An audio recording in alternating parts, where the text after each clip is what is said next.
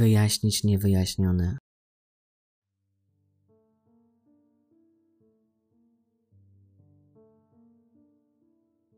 Witajcie.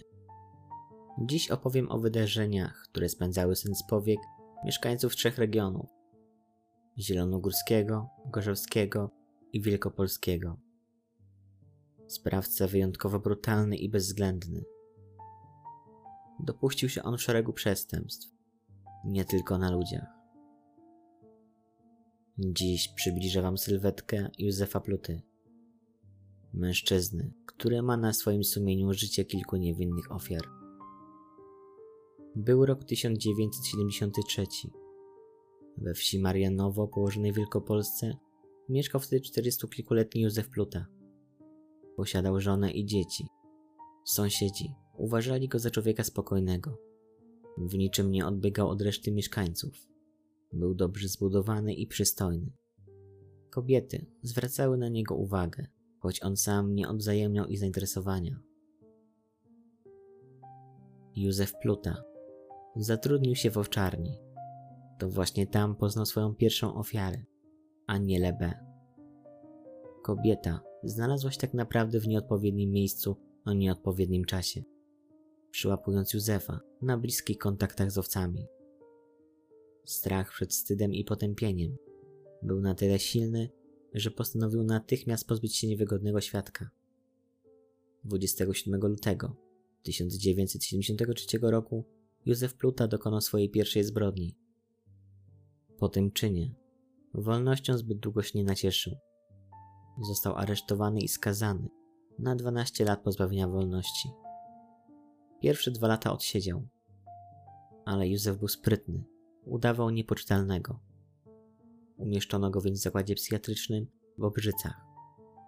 Obserwacja psychiatryczna Józefa Pluty przebiegała jak najbardziej po jego myśli. Był człowiekiem lubianym, a kobiety wręcz do niego lgnęły. Pluta był niemalże rozpieszczany. Ponoć zdarzało się, że całe weekendy spędzał poza murami szpitala. Okazało się także, że jest niczego sobie fachowcem.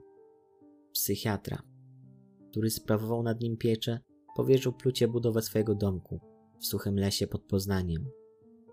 Był to przełom 1977 a 1978 roku. Mógł wychodzić z zakładu, kiedy chciał. Pluta we wrześniu 79 roku dowiedział się, że wkrótce wróci do więzienia. Uciekł zatem ze szpitala psychiatrycznego. Choć tak naprawdę wiele źródeł wskazuje, że ostatnie lata Józef Pluta pomieszkiwał na budowie swojego lekarza prowadzącego. To stamtąd dokładniej mężczyznę miał zbiec w obawie przed powrotem do celi. Po ucieczce Józef Pluta udał się do miejscowości Pąchy. Dziś jest to powiat nowotomyski. Odwiedził tam Teresę, którą poznał w szpitalu. Początkowo szukał u niej schronienia przed milicją. Kobieta oczarowana jego urokiem osobistym postanowiła mu pomóc.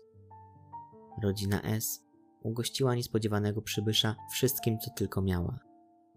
Po wspólnej kolacji 10 września doszło jednak do masakry, chociaż do dzisiaj nie wiadomo, co było jej powodem. Józef w trakcie furii zabił siekierą Teresę, jej męża i 13-letnią córkę małżeństwa S, którą wcześniej brutalnie zgwałcił. Po dokonanej zbrodni w domostwie, Pluta udał się do obory, gdzie wieczorne obrządki wykonywał 80-letni Wojciech J., który pomieszkiwał z rodziną S. Józef Pluta zadał staruszkowi kilka ciosów obuchem sikiery. Najstarszy syn małżeństwa S. We wrześniu 79 roku przebywał w wojsku. Po zwolnieniu ze służby powrócił do domu rodzinnego i zamieszkał w nim. Zamknięty między czterema ścianami, w miejscu, gdzie zginęła cała jego rodzina, po upływie dwóch lat popadł w złe samopoczucie i postanowił odebrać sobie życie. W ten sposób stał się kolejną ofiarą Pluty.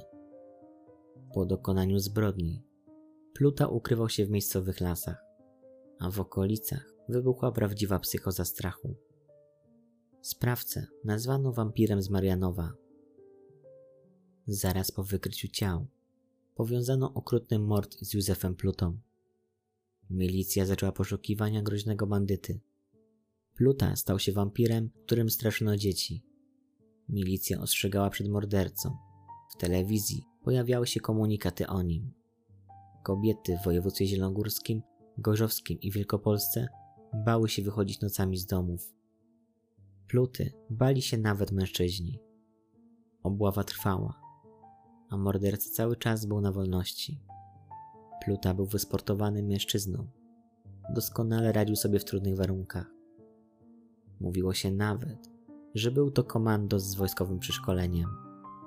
Pluta doskonale rzucał nożem. Potrafił również posługiwać się toporkiem, czyniąc z niego śmiercionośne narzędzie. Poszukiwania trwały.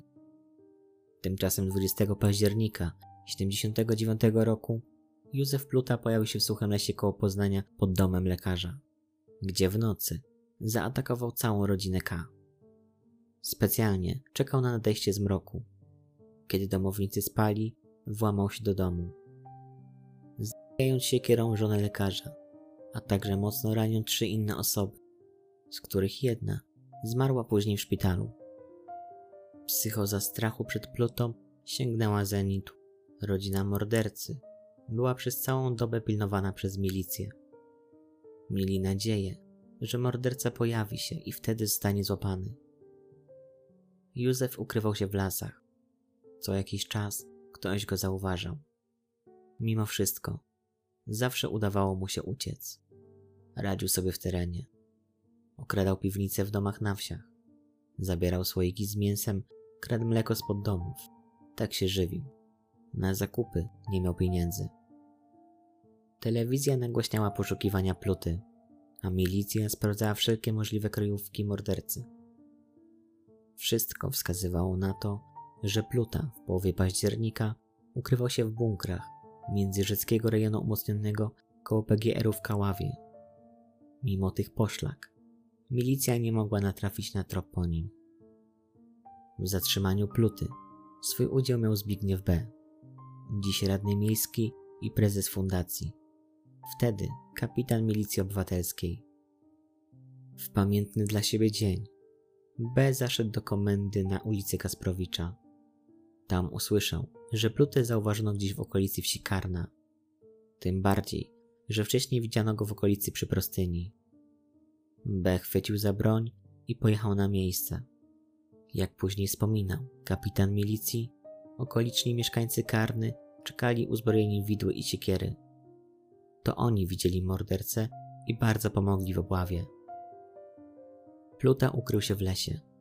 Zaczęła się wielka obława. Milicja była na każdej drodze w okolicy.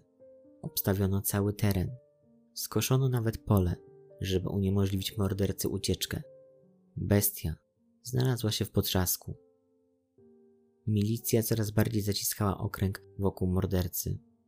Obława była już wtedy w rejonie wsi Karna, Belęcin i Godziszewo. Zaglądano w krzaki, zarośla doły. Kawałek po kawałku przyczesywano las. Obawiano się, że Pluta tym razem ucieknie do lasu w Wielkopolsce. Tam znowu wsiąknie na tygodnie lub miesiące.